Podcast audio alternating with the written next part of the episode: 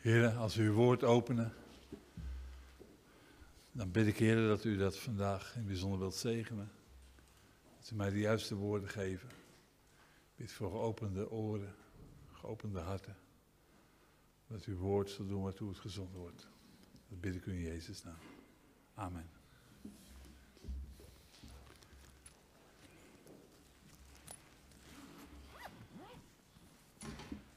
Wat zijn we rijk als christenen dat we zoveel liederen hebben waarmee we God kunnen groot maken, aanbidden.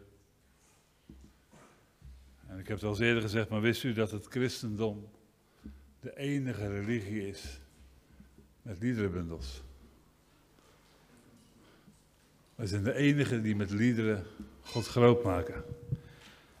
En broeder Zwekker zei is, dat kan ook niet anders, want die andere religies hebben niks om over te zingen. Wij hebben een Jezus die ons, ons heeft vrijgekocht. En ik, ik, ik, ik, ik luisterde net naar die liederen. Ik denk wat heerlijk dat we op deze manier Hem groot kunnen maken, Hem kunnen eren, Hem kunnen verheerlijken, Hem kunnen danken. En als het waar is wat we net gezongen hebben in het laatste lied. U behoor ik toe. Heer, ik heb u lief. En boven alles volg ik u. Ik leef voor u, want u houdt van mij. Dan uh, stel ik voor dat we ons gaan verheugen en daarna koffie gaan drinken. Want dan is het niet nodig dat we Gods woord openen. Want zo hoort het wel te zijn. Dat we Hem boven alles volgen. En dat er niets is wat ons weerhoudt om Hem te gehoorzamen. Om Hem te dienen. En ook alle kansen aangrijpen om Hem te dienen. Ik ben soms verbaasd hoe makkelijk mensen de samenkomsten verzuimen. Terwijl we nu nog de vrijheid hebben om bij elkaar te komen en met elkaar Hem groot te maken, maar ook met elkaar het woord te openen.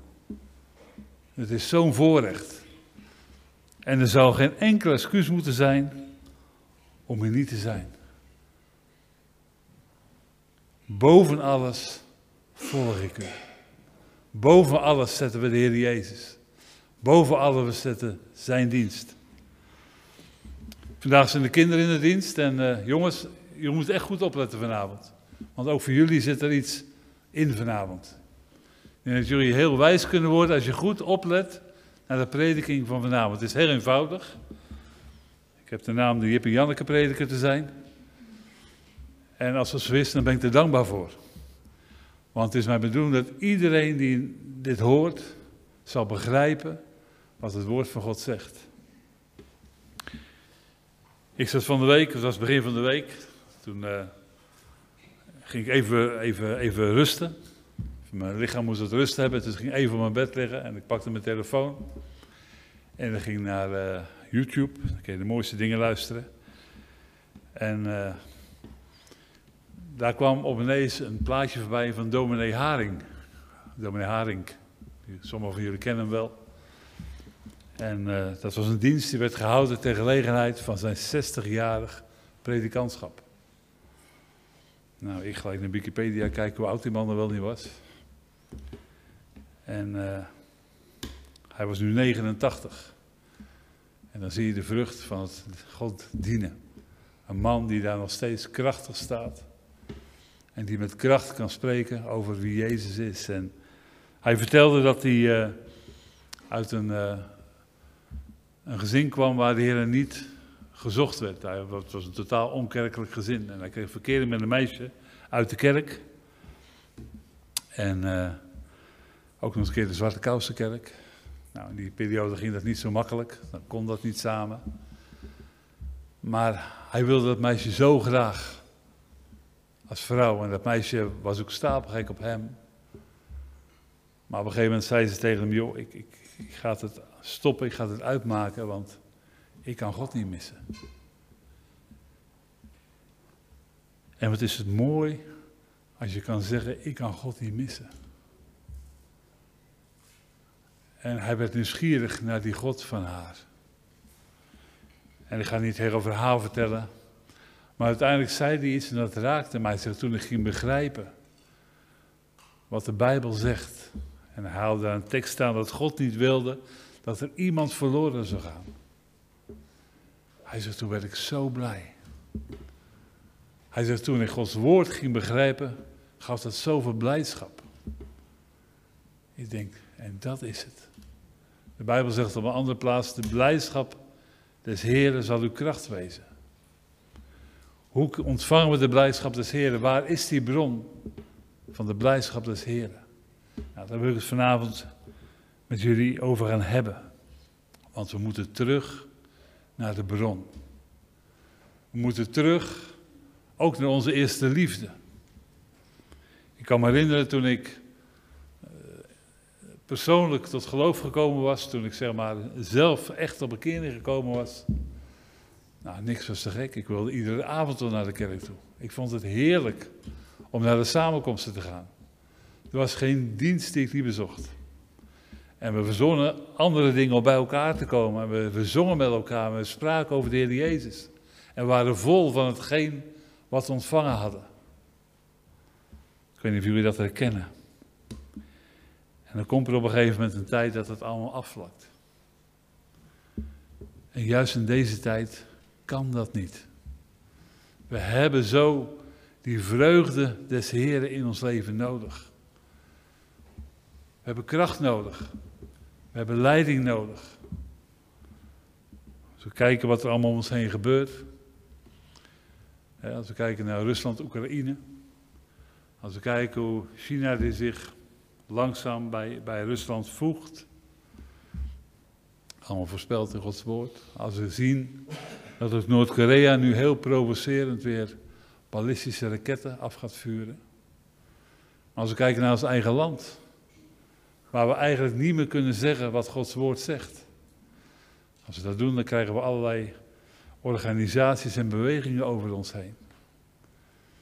Kijk van de week hoe die Tim Hofman, die ook het hele gedoe met, uh, met die dominee Krippen is aangezwengeld heeft, dominee Kort, nu weer de Mars voor het Leven aanvalt.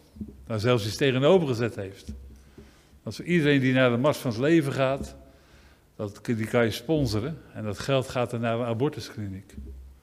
Dat is wat de boze doet. Hier in onze eigen stad, waar D66 het, het leger des heils aanvalt. Omdat wanneer ze mensen aan willen nemen, ze zeggen we willen zo graag dat jullie ook geloven in de Heer Jezus. En als je komt solliciteren moet je uitleggen wat dat voor jou betekent. Dat mag niet, dat is discriminatie wordt er geroepen. Ik geloof dat het niet lang meer duurt. En dat is geen zwartkijkerij, maar dat is wat we kunnen verwachten. Dat de Bijbel een verboden boek wordt. Dat we niet meer mogen beleiden wat de Bijbel zegt. Dat we niet meer ronduit christen kunnen zijn.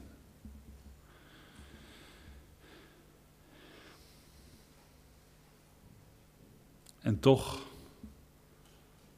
Gods hand strekt zich nog steeds uit naar het verlorene. En de Heer belooft in zijn woord dat ieder die zijn naam aanroept, behouden zal worden. Als je deze dingen gaat begrijpen, dan word je weer blij.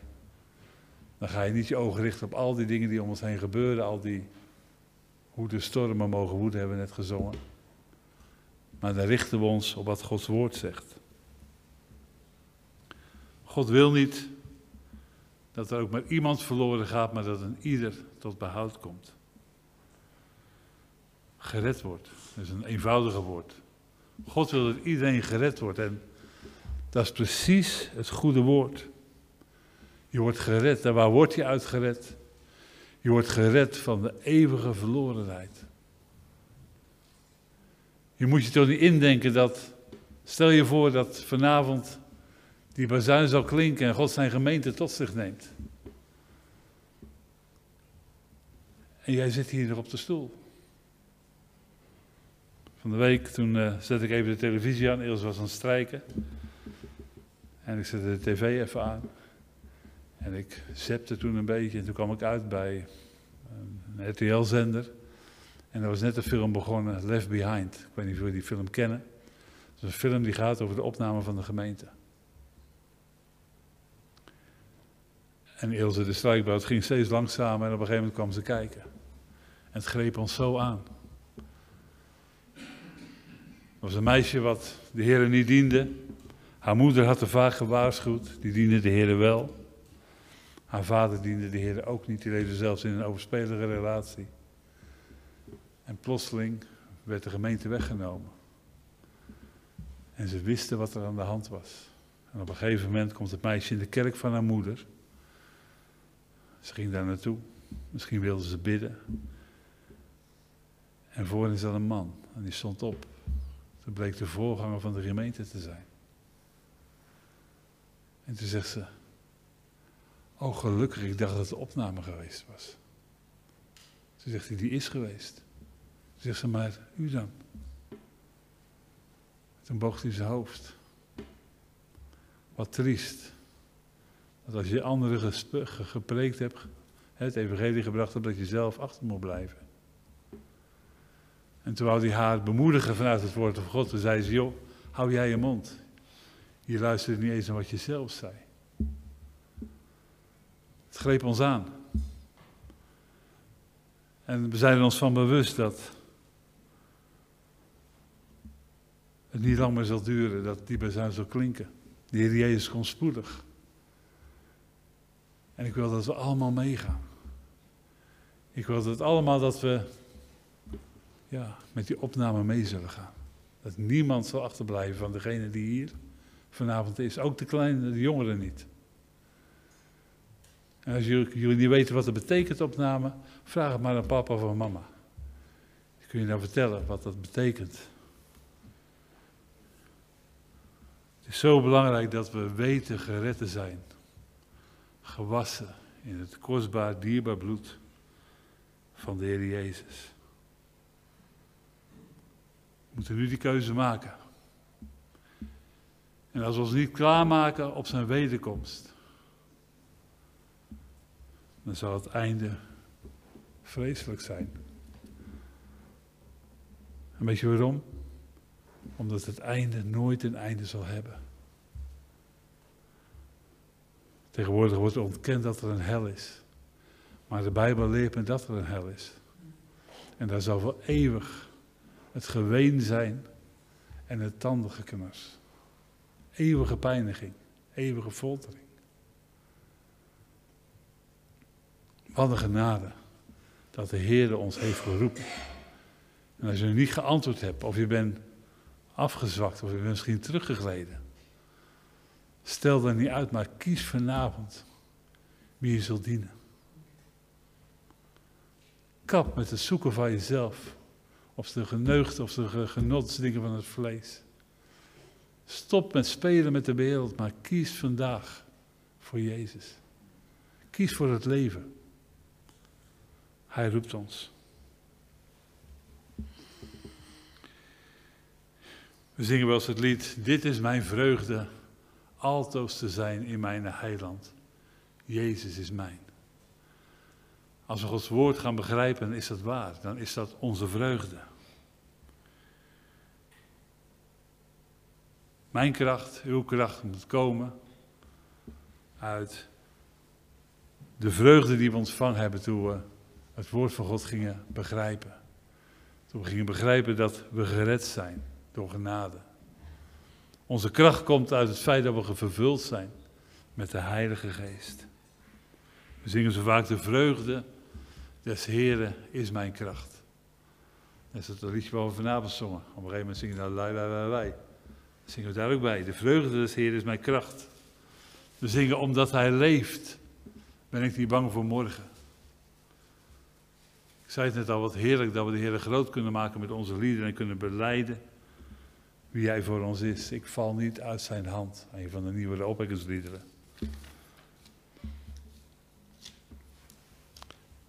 Maar je zou zeggen, ja, maar die vreugde, wat, wat, wat is dan die bron? En hoe kan ik die vreugde dan bezitten? Hoe kan ik die de mijne maken? Nou, dat is heel eenvoudig. De vreugde des Heren die komt door het dienen van de Heren. De vreugde des Heren komt door het kennen van Christus. De vreugde des Heren komt door het leren te begrijpen wie Jezus is. Door het lezen over de liefde van God en de voorziening die Jezus heeft gegeven op het kruis van Golgotha. Voorziening tot redding van onze ziel en verlossing. Waar is die bron dan? Waar is die bron van kennis van Christus? Waar kan ik lezen over zijn liefde? Waar kan ik horen over zijn voorziening? Opdat mijn ziel gered kan worden.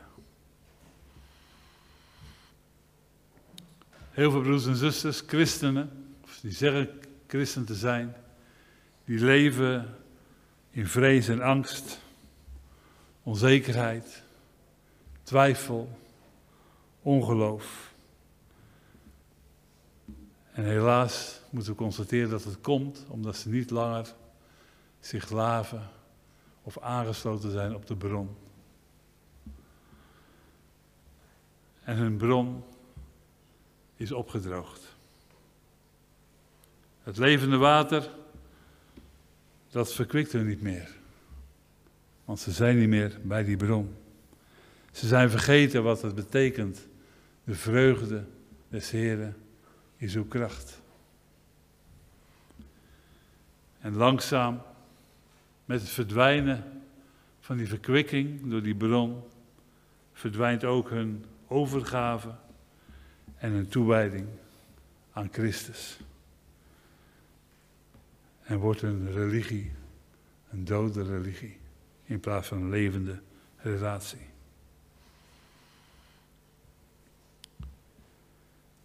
Ik wil met u samen kijken vanavond, een klein stukje uit het Oude Testament, naar wat de Bijbel ons leert over de bron van onze geestelijke kracht. En daarvoor wil ik graag dat u opzoekt het boek Nehemia en dan hoofdstuk 8. Nehemia, we kennen allemaal dat verhaal, dat gaat over het volk Israël dat terug mocht keren uit ballingschap. Nehemia mocht de tempel en de muur herbouwen. En dan begint hoofdstuk 8 met de woorden. Toen de zevende maand aanbrak en de Israëlieten in hun steden waren, verzamelde heel het volk zich als één man op het plein dat voor de waterpoort ligt. En ze zeiden tegen Ezra, de schriftgeleerde, dat hij het boek moest brengen met de wet van Mozes, die de Heere Israël had geboden. Ezra, de priester, bracht de wet voor de gemeente, zowel mannen als vrouwen, en al wie wat zijn bestand, verstand betrof in staat was en naar te luisteren op de eerste dag van de zevende maand. Dus jongens, kinderen, daar horen jullie ook bij. Iedereen die wat zijn verstand betreft, kan begrijpen wat dit boek zegt. Hij las daaruit voor, voor het plein dat voor de waterpoort ligt, vanaf het morgenlicht tot de middag. Ten overstaan van de mannen, de vrouwen en van wie hen, die wat bestand, verstand betrof, in staat waren naar te luisteren. De oren van heel het volk waren gericht op het wetboek. Ezra, de schriftgeleerde, stond op een houten verhoging die ze voor deze gelegenheid hadden gemaakt. En naast hen stond Matitja en Sema, Anania, Uria, Hilkia en Maasea. En, aan zijn rechterhand en aan zijn linkerhand Pedaya, Misael, Malchia, Hassem, Hasbadana, Zacharia en Mesulam. Ezra opende het boek voor de ogen van heel het volk, want het stond hoger dan heel het volk. Toen hij het opende, ging heel het volk staan. En Ezra loofde de Heer, de grote God. En heel het volk antwoordde onder het opheffen van hun handen: Amen, Amen.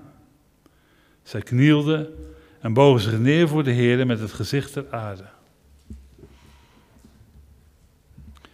Jezua, Bani, Serepia, Yamin, Akub, Sabetai, Hodia, Maesja, Kelita, Azaria, Jozabat, Hanan, Pelaja en de Levieten onderwezen het volk in de wet en het volk stond op zijn plaats. Zij lazen uit het boek voor, uit de wet van God, gaven uitleg en verklaarden de betekenis, zodat men de voorlezing begreep. En Nehemia, hij was zijn excellentie, de stadhouder, Ezra, de priester en schriftgeleerde, en de levieten die het volk onderwezen, zeiden tegen heel het volk, deze dag is heilig voor de Heer uw God. Rouw dan niet en huil niet. Heel het volk huilde namelijk toen ze de woorden van de wet hoorden. Verder zei hij tegen hen: Ga, eet lekkernijen en drink zoete dranken. En deel uit aan hen voor wie niets is klaargemaakt. Want deze dag is heilig voor onze Heer. Wees niet bedroefd, want de vreugde van de Heer, dat is uw kracht.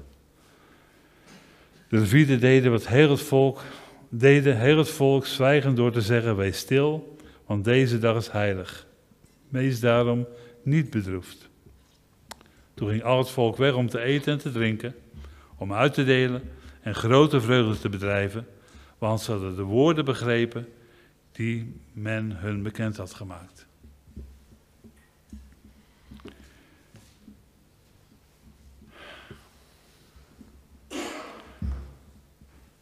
Het volk Israël had een hoop meegemaakt in ballingschap. En ze waren nu teruggekeerd. En het eerste wat ze wilden, is dat het woord van God weer openging. Ze zei tegen Ezra dat hij het boek moest brengen met de wet van Mozes. Ze wilden terugkeren naar de bron. Ik weet niet hoe dat met u is. Misschien bent u ook wel iets van de bron weggelopen. Of is de bron bij u opgedroogd omdat u veronachtzaamd heeft om het boek, het woord van God te openen. Maar het volk Israël die, die wilde daar opnieuw mee gaan beginnen.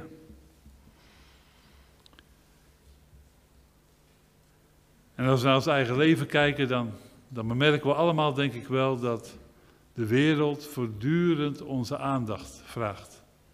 Die trekt voortdurend trekt die aan ons en probeert ons af te houden om in de stilte te komen en de Heer te zoeken. Maar de Bijbel leert ons dat deze wereld niet ons thuis is. Dat wij bestemd zijn voor een, een hemelshuis. En het is denk ik tijd geworden nu dat we ons niet langer bezighouden met de dingen van deze wereld. Niet de rijkdommen van deze wereld, niet de, de leuke dingen, de mooie dingen. Maar dat we ons gaan richten op de geestelijke zaken. Want alles van deze wereld zal leiden naar een complete destructie, een vernietiging. Maar alleen de dingen van God, die zullen ons straks brengen bij Hem. Daarvoor zullen we terug moeten keren naar het altaar van gebed. We zullen ons moeten bekeren van dingen die we hebben toegelaten en die onze overgave en toewijding aan de Heer Jezus hebben geroofd. We moeten terug naar de plaats waar we onze bron van vreugde en kracht kunnen vinden. En we hebben net een stuk gelezen uit Nehemia hoofdstuk 8. En ik ben net terechtgekomen omdat daar die tekst staat, de vreugde des Heren is uw kracht.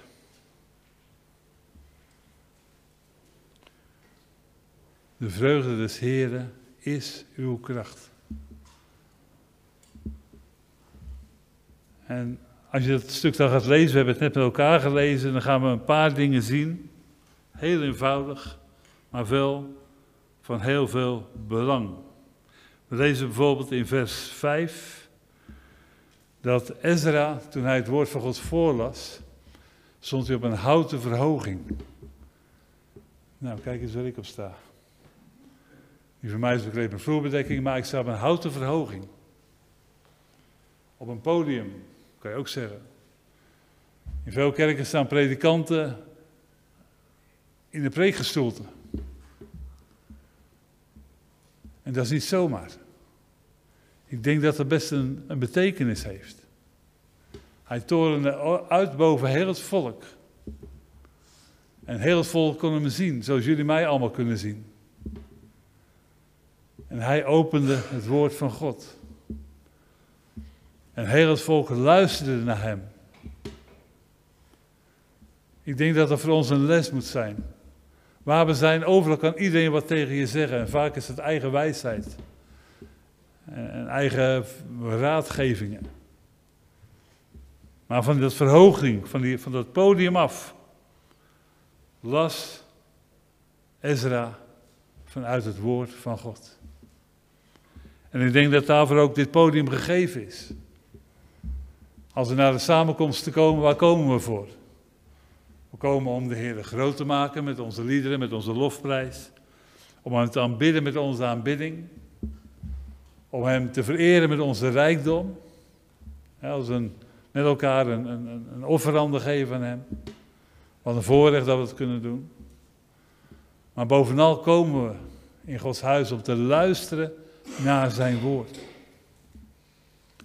Gods woord is het belangrijkste in onze samenkomsten. Dat staat centraal. Want Gods woord is onze bron. De bron van ons leven. De bron van onze vreugde. De bron van onze kracht.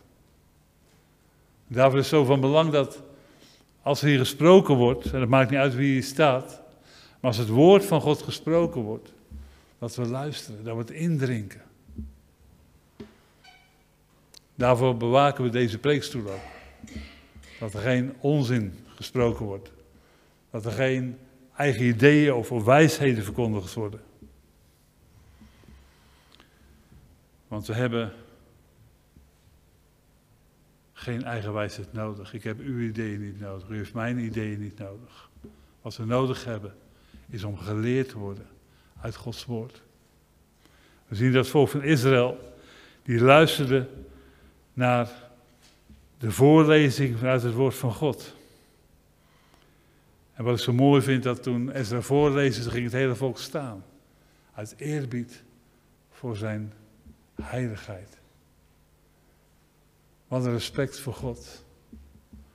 En dat is voor ons allemaal, dat als er gelezen wordt uit het woord van God, dat we niet bezig zijn met andere dingen, maar dat we luisteren dat onze geestelijke oren openstaan, dat ons hart open is om te ontvangen wat God ons vanuit zijn woord wil geven.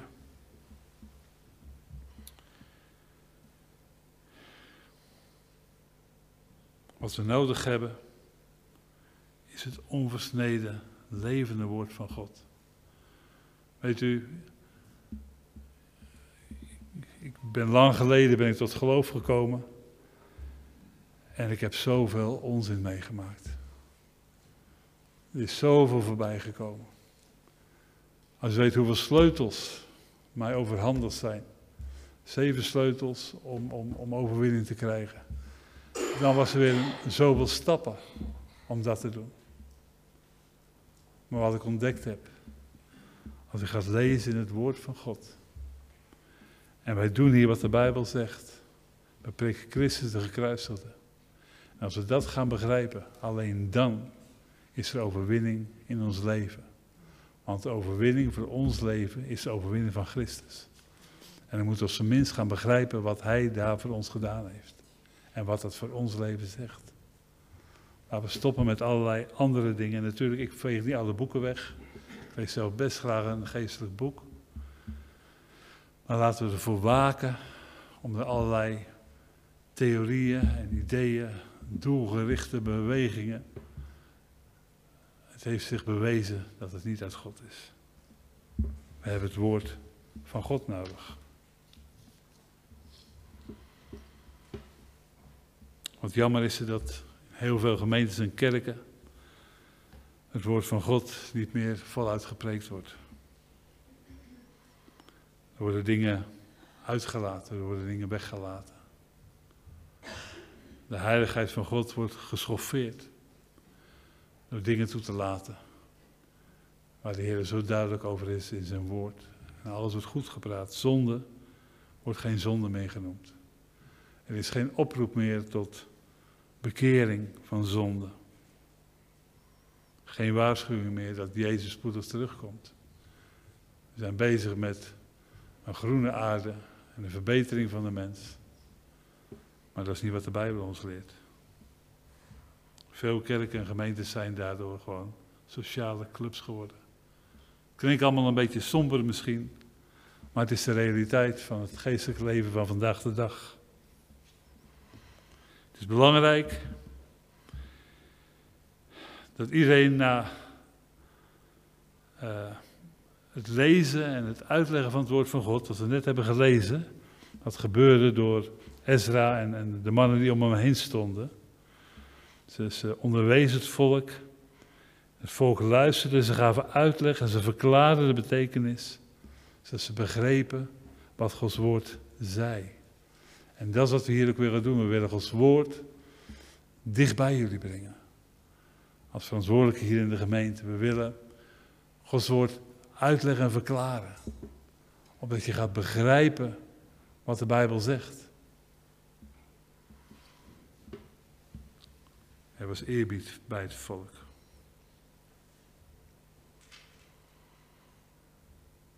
Wat ik ook mooi vind dat Nehemia en Ezra en de levieten die het volk onderwijzen tegen het volk zeiden: Deze dag is heilig voor de Heer uw God. Rouw dan niet en huil niet. Heel het volk huilde namelijk toen ze de woorden van de wet hoorden. Ik kan me het heel goed voorstellen. Ik weet niet of u dat ook in uw leven gehad hebt. Dat het woord van God u zo diep raakt. Dat u zo aangesproken wordt door wat de Bijbel zegt. En de vraag vandaag is: raakt het u nog? Neemt u Gods woord nog persoonlijk? Heeft u het woord van God lief?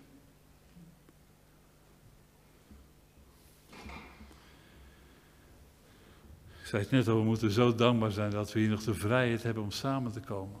En we moeten daarom ook alle kansen die we krijgen daarvoor benutten. We hebben hier het woord van God in onze handen. Nog. Laten we het lezen. Laten we het indrinken. Laten we het uit ons hoofd leren. Gebruik de vrijheid en profiteer ervan.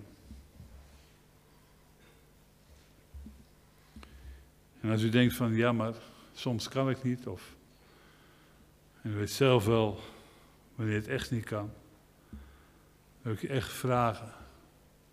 Bekeer je van het niet bezoeken van de diensten, maar wees er. We zijn allemaal wel eens moe. We hebben het allemaal wel eens gehad, maar laat je dan verkwikken door het levende woord van God. Weet je, ik kom soms naar de samenkomst en dan ben ik best moe. En we zeggen wel eens tegen elkaar, we zijn moe, maar wat een voordeel dat we gaan. En als we naar huis rijden s'avonds, dan zijn we zo verkwikt. Dan is het zo heerlijk geweest om gewoon in de tegenwoordigheid van de Heer Jezus te zijn. Om in de tegenwoordigheid te zijn van een levende God.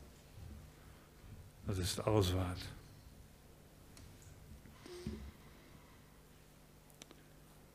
Rouw niet en huil niet. Het is goed wanneer je geconfronteerd wordt met je zonde. Als je geconfronteerd wordt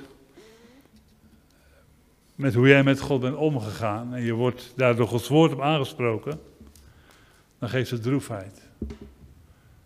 De Bijbel zegt, de droefheid van God werkt een onberouwelijke bekering uit. Met andere woorden, als je gaat zien wie jij bent in het licht van een heilig God, dan kan je niet anders als, als, als, als huilen. Als, als verdrietig zijn en, je bekeren ervan. dat is helemaal niet erg, dat is goed. Besef maar wie je bent in het licht van die God. Maar wat heerlijk als we dan het woord van God gaan begrijpen. Als er staat van, als we onze zonden beleiden, hij is getrouw en rechtvaardig om ons alle zonden te vergeven. Dan mag je eerst huilen van ontroering, maar dan gaan we toch feest vieren. Want dan weten we dat als we onze zonden beleiden, dat hij getrouw is aan zijn eigen woord en dat hij ons reinigt van onze zonden. Dat hij ons heilig en rein voor zijn aangezicht zet. En dan mogen we voor zijn aangezicht feest vieren. Dan mogen we ons verheugen in wie hij is. Dat is die vreugde des Heren. Te weten wat Hij voor ons heeft gedaan aan het kruis van Golgotha. En wat dat voor ons betekent. Wat er ook rondom mij heen gebeurt. Ik weet dat in Jezus overwinnaar ben ik ook overwinnaar. Hij heeft voor mij de weg gebaand. Volkomen verlossing voor lichaam, ziel en geest. Daarvoor, heeft Hij betaald aan het kruis van Golgotha. Wat maken we ons dan nog druk over de dingen van deze wereld? Als je het echt gaat begrijpen, dan komt er zo'n intense blijdschap. Dat kan niet meer geroofd worden. Dan ga je daaruit leven. En wat verdwijnen dan je problemen? Ik kom weer met een lied aan, dus in het lied in het Engels, Turn your eyes upon Jesus.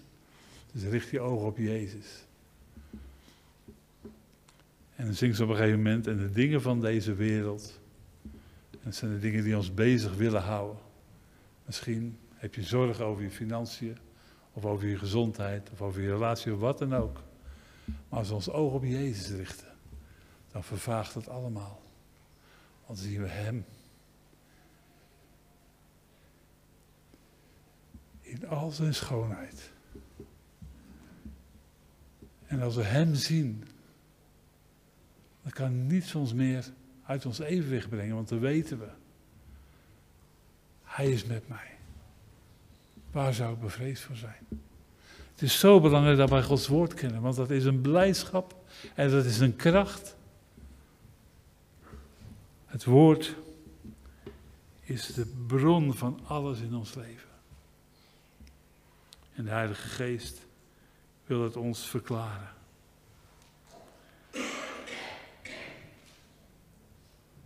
Wat wil ik nou eigenlijk zeggen vanavond? Wat is nou eigenlijk de boodschap? Ga Gods woord lezen. Als je overwinning wil, over wat dan ook in je leven. Neem de tijd om deze bron in uw leven werkzaam te krijgen. We hebben de Heilige Geest ontvangen. En de Bijbel zegt dat de Heilige Geest zelf ons Gods woord zal verklaren. Het zal het maken tot een bron vanuit ons naar buiten toe. En dan zullen we zelf de kracht van Gods woord in ons leven gaan ervaren. We zullen de bevrijdende, de helende, de, de reinigende kracht gaan ervaren in ons persoonlijk leven. Maar dat zal ook naar buiten komen. En ons leven zal een getuigenis worden tot eer van Zijn naam. Lieve mensen, laten we ens maken. Met de tijd waarin we leven. Allereerst natuurlijk. Want als wij zo gaan veranderen, als die, die stromen van levend water vanuit ons binnenste ook gaan vloeien op een gegeven moment, dan zal het effect hebben op de omgeving waar we zijn, toch? Hoeveel zullen we daar nog mee kunnen nemen? Ze kunnen we wegtrekken voor de poorten van de hel.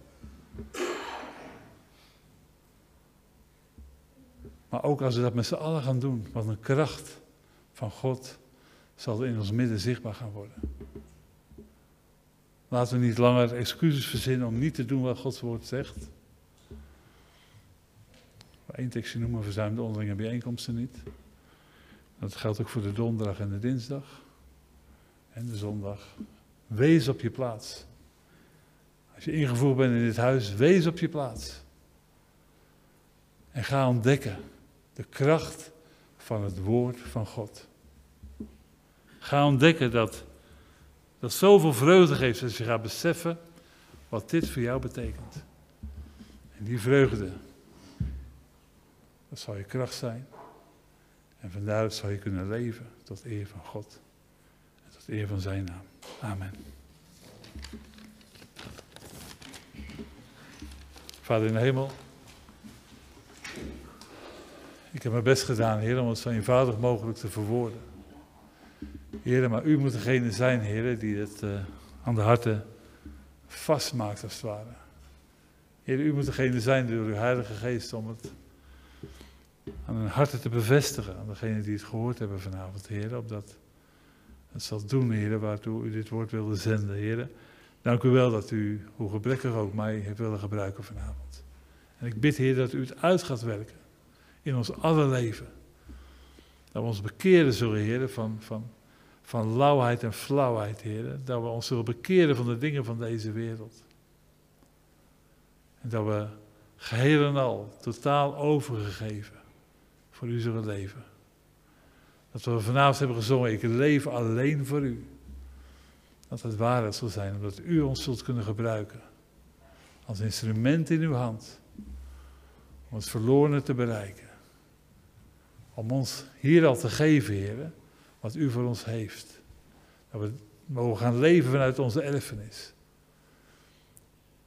Heren, dank u wel voor alles wat we in u ontvangen hebben. Dank u wel dat u ons gezegend hebt met alle geestelijke zegeningen in de hemelse gewesten. Daar prijs ik u voor, Heer. Ik wil zo graag zichtbaar zien worden in ons midden. Dat u nog meer zullen aanbidden en nog meer zullen groot maken. Bid het uit genade en in Jezus' naam. Amen. Amen.